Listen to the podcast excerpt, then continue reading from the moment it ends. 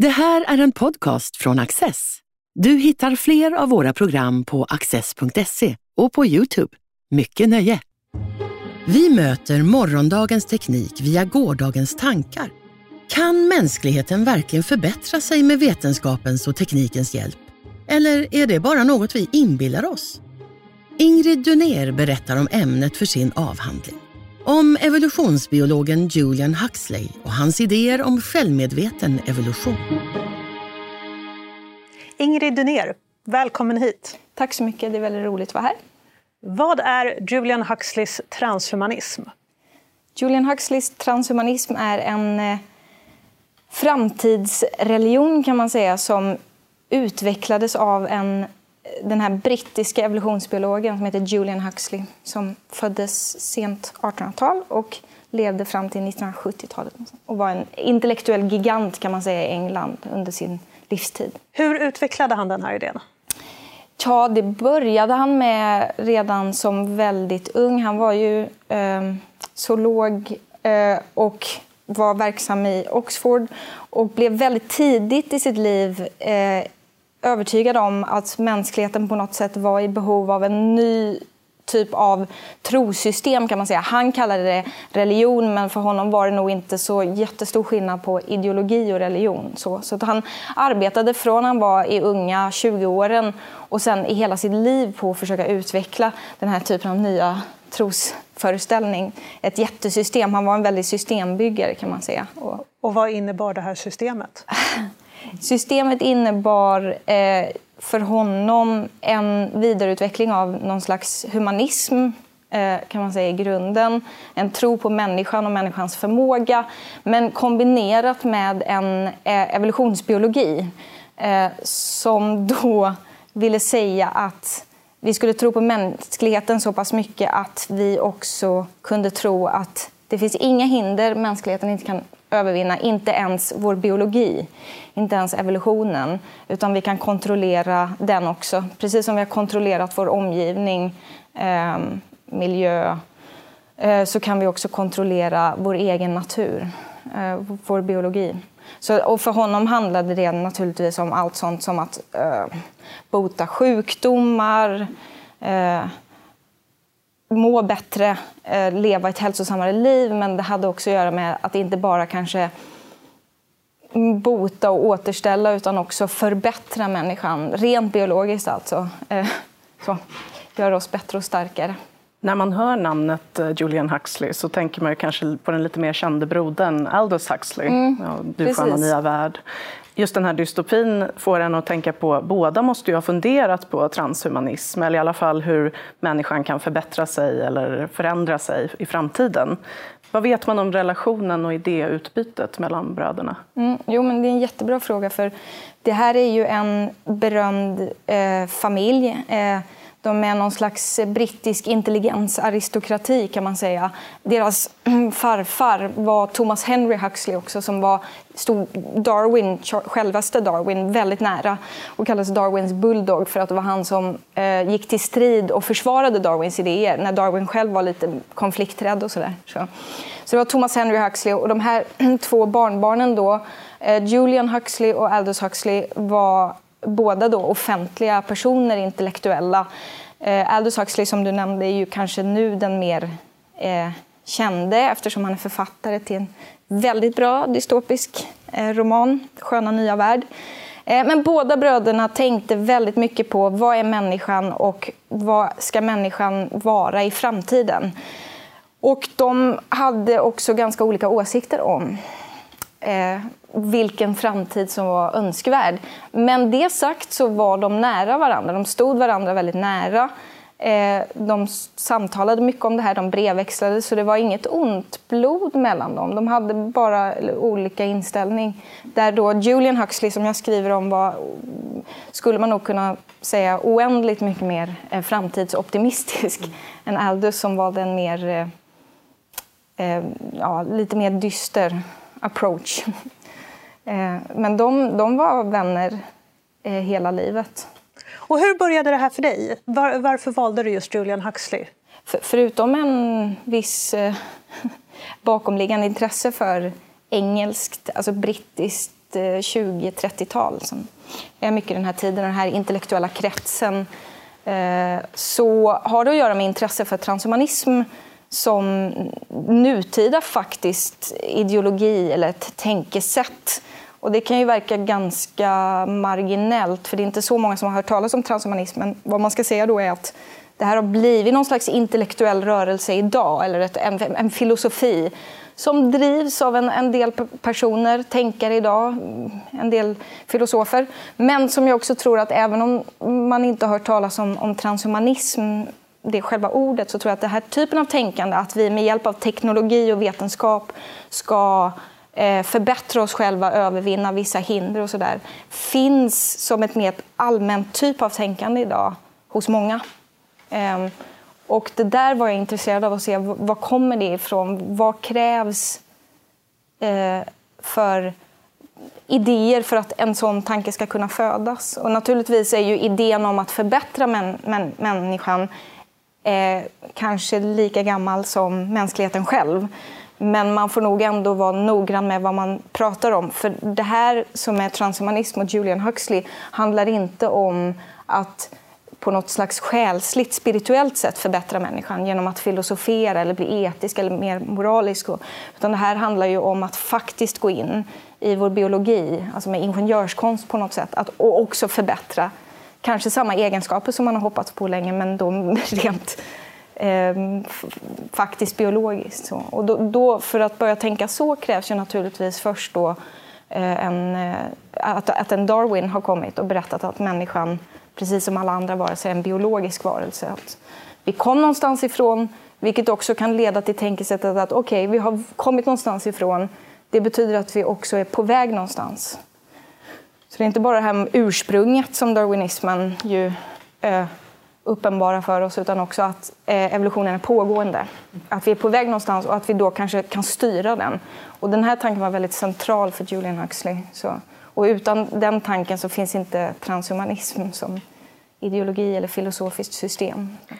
Trots detta, som man kan tro, breda intresse då, så är det ganska få som har utforskat Huxleys transhumanism. Vad beror det på att så få har studerat honom? Det ska väl sägas att man ska inte sticka under stol med att Julian Huxley är ju ingen okänd person. Han var en intellektuell gigant då, som sagt, och han är fortfarande ganska stor i en, en brittisk kontext. Han var ju också Unescos första generaldirektör. Så att han, har, han är en bjässe på många sätt och han har, har något slags eh, historiskt arv han har lämnat efter sig. Så att det har skrivits mycket om honom. Men eftersom han var en sån otroligt mångfacetterad person som gjorde väldigt mycket så har man kanske fokuserat på andra saker när det kommer till hans biografi. Och eh, lite snabbare gått över det här eh, ideologibyggandet som han också hade vid sidan om. För det, han var en sån mångsysslare, så det är väl kanske det på ett sätt. Sen tror jag också det är så att eh, transhumanismen idag och den typen av filosofi som finns idag, de är väl också mindre benägna att börja röra för mycket i Julian Huxley och hans intellektuella likar på 20-30-talet därför att det sättet som de talade om människoförbättrande metoder är ganska näraliggande eugenik som i sin tur leder in på det för moderna transhumanister väldigt snåriga området kring rasbiologi. Eh, så att därför har man nog också kanske varit mindre benägen att hålla fram Julian Huxley som någon slags föregångare till nutida tankegångar om eh, att vi ska förbättra oss själva med teknik och vetenskap tror jag är en anledning. Men var det inte så att eh, han väldigt explicit övergav idéerna om just rasbiologi? De, definitivt. Så att på ett, men det handlar väl också om okunskap. Att det, när, när, när, man rör sig in kring områden som handlar om eugenik och människobättring så blir det väldigt snabbt eh, känsligt. Så att då eh, har väl de, många av dem idag inte tittat så mycket närmare på okay, men vad exakt sa han om det här. För att under sin livstid så var Julian Huxley eh, väldigt uttalat mot alla former av rashygien och rasbiologi. Han var själv författare till en tidig bok som kom på 30-talet som eh, dementerade nazisternas idéer. För han var ju biolog, så han kunde eh, helt enkelt avfärda som helt falskt deras teorier om ras och sådär. Så för honom handlade aldrig eh, det här människoförbättrande eh, om någon specifik typ av grupp av människor egentligen, utan det var mänskligheten som sådan som för honom var en ofärdig produkt, som han kallade det. Alltså. Och hur menade han att de kunde förbättra? Vilka möjligheter hade de på den tiden att förbättra människor? Jag menar, nu har vi ju genmanipulationer och kloning och what have you. Men mm. vad kunde man göra då? Ja, alltså, idag lever vi i vad som Julian Huxley för honom skulle vara en science fiction-utopi. Mycket av det som han drömde om då, som var helt omöjligt för honom, eh, finns idag. Allt från då Eh, preventivmedel till eh, IVF, eh, fostervattensprov, sådana saker va? som var helt science fiction för honom, men som, som de föreställde sig och drömde om. För vi, vi talar här ändå om att han ju hoppades på att man i framtiden skulle kunna med till exempel genetisk ingenjörskonst, vi kan nämna CRISPR som var ett Nobelpris nu, eh, kunna gå in och modifiera gener, helt enkelt göra oss bättre. Men sen, en, mycket av det här var ju också på idé planet. Han lever i en tid där, han, där eh, man har gjort ganska fantastiska upptäckter medicinskt. Eh, man har upptäckt många vitaminer, bara en sån sak. Så att plötsligt kan man tillsätta det i mat och så verkar barn som hade rakit bli friska. Så det, och det framstår som mirakel på den tiden, även penicillin. Så att han lever i en tid där han rider på en våg av eh, eh, naturvetenskapligt ganska högt självförtroende. Och då tänker han om vi fortsätter så här, då finns det ju inga gränser för vad vi skulle kunna bli. Eh, så att han tänker sig det, alla medel, från saker som ännu inte finns idag, eh, som att man ska kunna designa barn så, eh, efter egen vilja, till då en enkel sak som preventivmedel som på hans tid var fortfarande eh, väldigt kontroversiellt att ens nämna men att man skulle kunna bestämma om man vill eller inte, eller vilka typer av barn som man ska ha. Så, så det, eh, rent faktiskt och konkret så var det den typen av olika metoder. Så. För all del så är jag intresserad av just teknikerna också, som man föreställer sig, men det är nog snarare just idé, vad är det man drömmer om för typ av människa? Eh, och också att vad vi har för dröm om framtiden säger ganska mycket om vad vi har för bild av vår nutid. Alltså vad man till exempel upplever att det finns för problem som man måste åtgärda. Så det är det jag är också intresserad av. För jag tror att eh, framtiden säger mycket om vår nutid. Så är det med nästan all science fiction. Så, um, ja. Men han var britt, men du har framförallt studerat eh, hans anteckningar ur arkiv i Frankrike. Lite i Paris, eftersom där finns Unesco-arkivet. Eh, och han var generaldirektör, så där har jag varit och eh, nosat. Men framförallt är det så att hans... För jag jobbar i stort sett uteslutande med hans arkivmaterial. Eh, del, han har ju rätt mycket tryckta böcker också, men det är väldigt mycket arkivmaterial. Och han var en manisk samlare av varenda post-it-lapp som han någonsin skrev en bokstav på. Eh, han har också en enorm brevsamling. Allt från eh, Alva Myrdal till Greta Garbo, nu nämner jag bara svenska, men eh, varenda ehm, namn under 20, 30, 40, 50-tal i hela världen har han i stort sett brevväxlat med. Så det är ett fantastiskt arkiv. Det här arkivet finns inte i Frankrike utan det finns i USA, Texas av alla ställen. Och det beror helt enkelt på att Julian Huxley som var en ultrabritt och väldigt oxfordsk fick trots allt sin första professur när han var bara 23 år gammal på Rice University i Houston i Texas. Och det var ju då naturligtvis så att amerikanska eh, lärosäten Eh, försökte locka till sig europeiska namn. Och de flesta som var lite mer erfarna tackade nej. De ville absolut inte till Texas, de ville vara i England. Men Julian Huxley var väldigt ung. Så att han blev värvad dit. Ogillade det starkt, var där bara tre år och sen så flydde han tillbaka hem till England igen. Men de har då i efterhand velat fortsätta knyta det namnet till sig, så de har gjort någon slags jätteinvestering. Och helt enkelt lagt beslag på hela hans arkiv. Så det är lite apart att det ligger där. För att jag skulle inte säga att han har nästan någon koppling dit. Men där är hans arkiv och det är inte digitaliserat. Så därför får man åka dit och så får man sitta där och men när du är leta. ute och letar i den här enorma arkivskatten, vad är det du letar efter? Vilka frågor är det du hoppas på att kunna besvara? Jo, det var ju det både det roliga och festliga med att leta i arkiv och det ångestfyllda när det är ett sånt stort arkiv. För man får ju ändå försöka ha någon form av fokus, annars så hade man kunnat bli sittande där i åratal. Eh, det är ju indelat efter år och det har varit indelat lite på tema för han hade någon form av sådär. Men vad jag letat efter eh, är ju just eh, allting som har rört när han själv medvetet försöker utforma det här tankesystemet. När han skriver om sin egen, alltså sin egen försök att utveckla det här idésystemet. Uh, eh, han brevväxlar med andra kanske om det. Allting som rör också framtiden och varför han ser ett behov av det här. Uh, men sen har det naturligtvis också krävt en hel del inläsning på andra saker. Hans sociala krets, vilka människor umgås han med? Vilka kan influera honom? Eh, man tittar på allt sånt som vad kan man få tag på det? Vad läser han för böcker? Sånt är också spännande.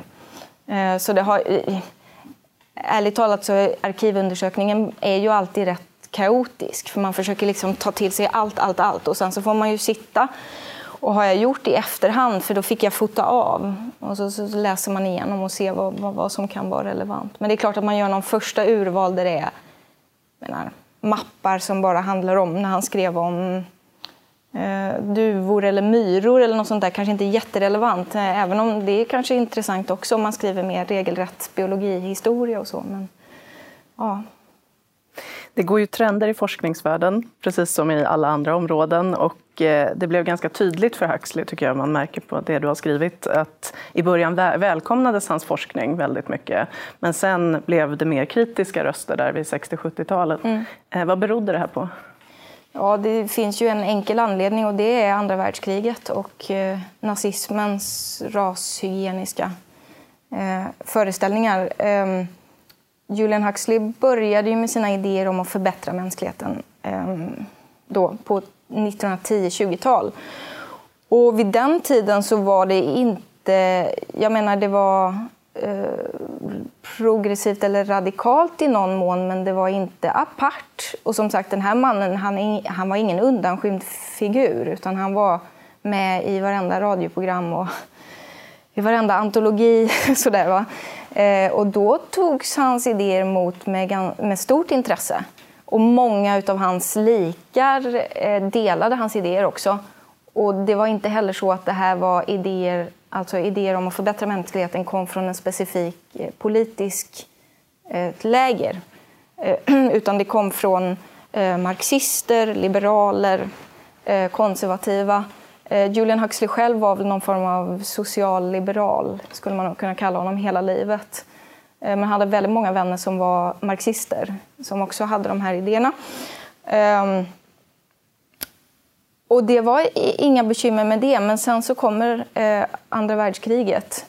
Och idén om att förbättra en människa, människan eller en grupp av människor eller att också eliminera sånt. För det här det är ju den mörka sidan av att förbättra något. Då ska man, ingår ju det idén om att man också kanske ska ta bort det som inte är önskvärt.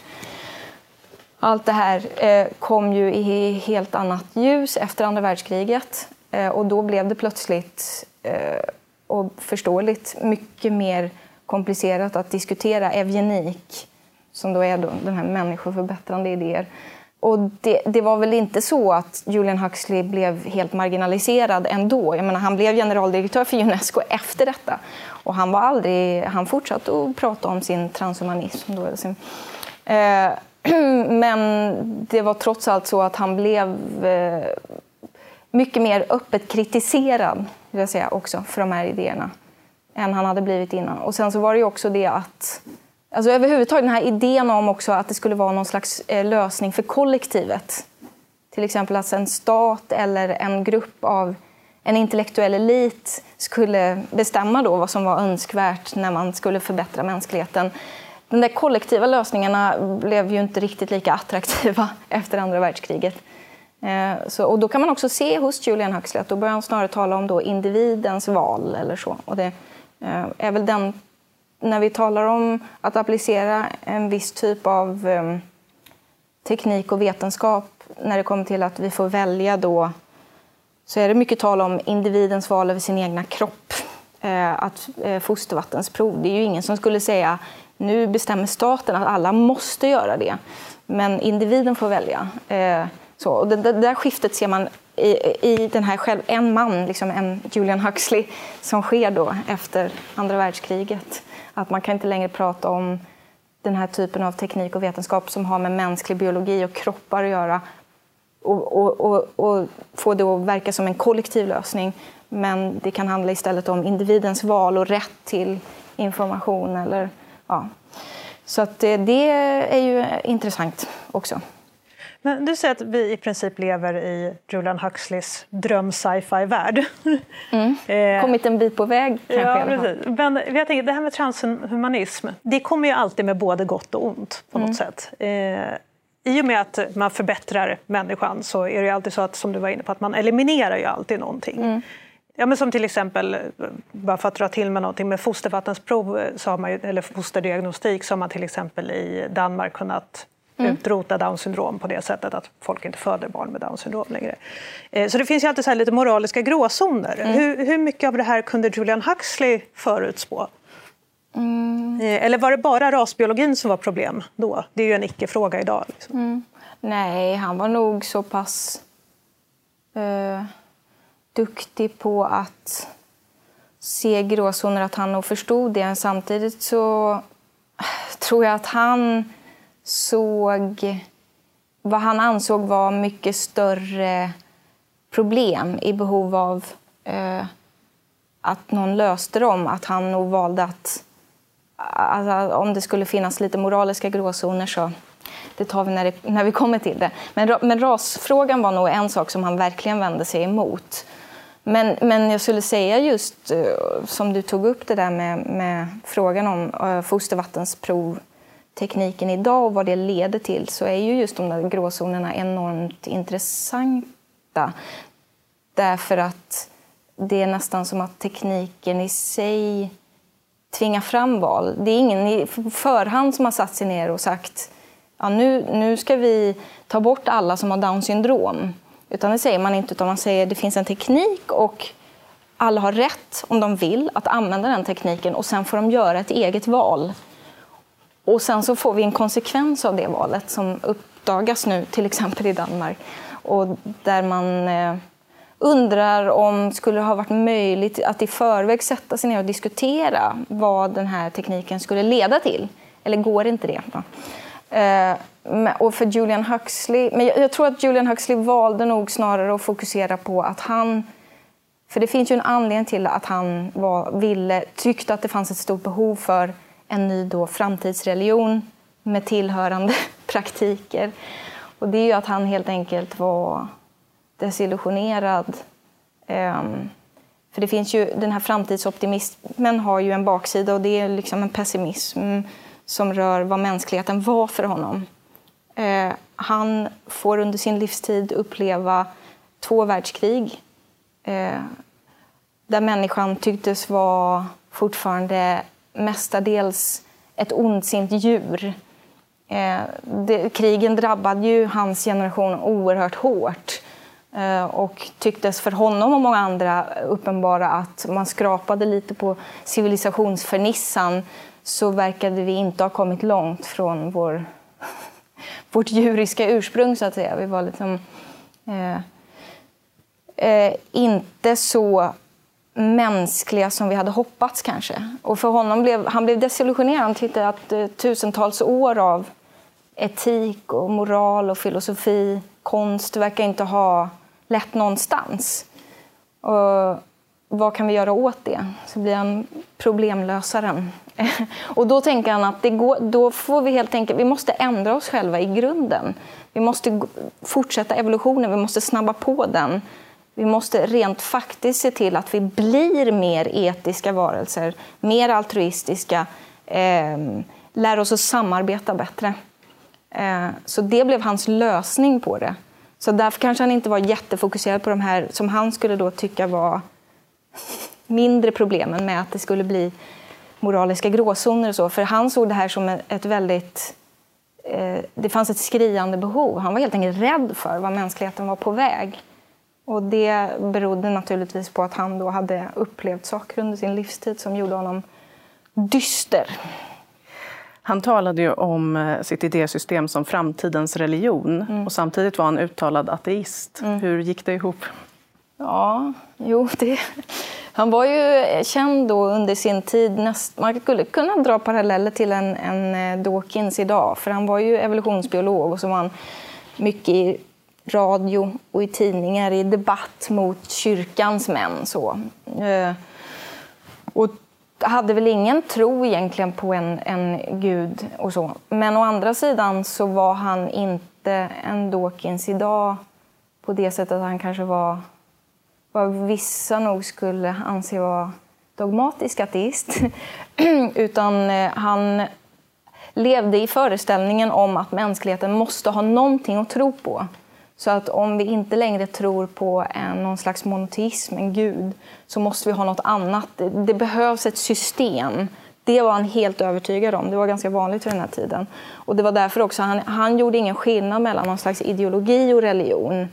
Eh, han trodde att en religion kunde vara, man behövde inte ha en gud, men det, vad han såg det som var ett idésystem.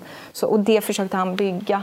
Det skulle ingå vissa komponenter, något man kunde tro på, någonting som gjorde att man fick framtidsoptimism och tillförsikt. Eh, och hur det gick ihop, ja. Nej, men som sagt, han var, han var liksom...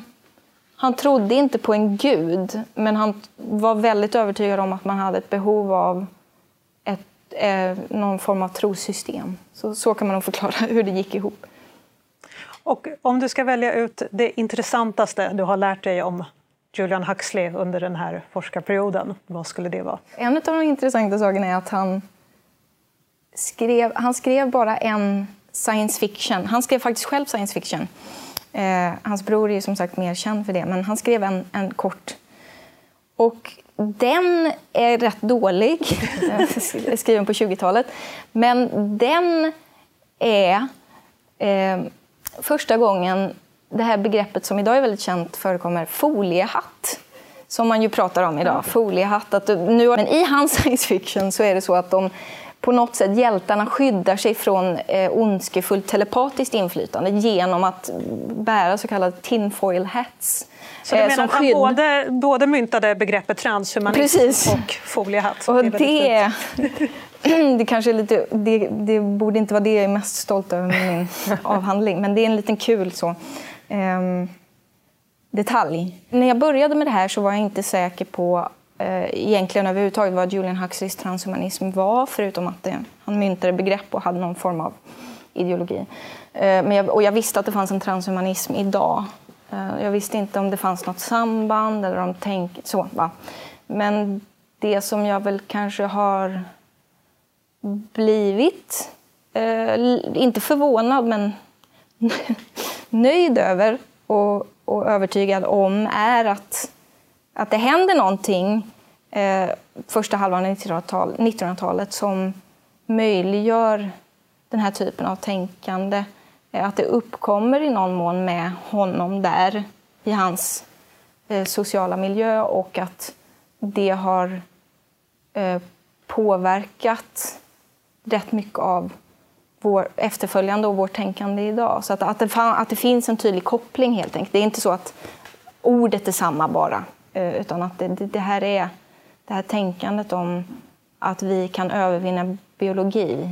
Att, vi inte behöver, att det är liksom det sista hindret på något sätt. Vi har, över, um, vi har övervunnit vår miljö och omgivning.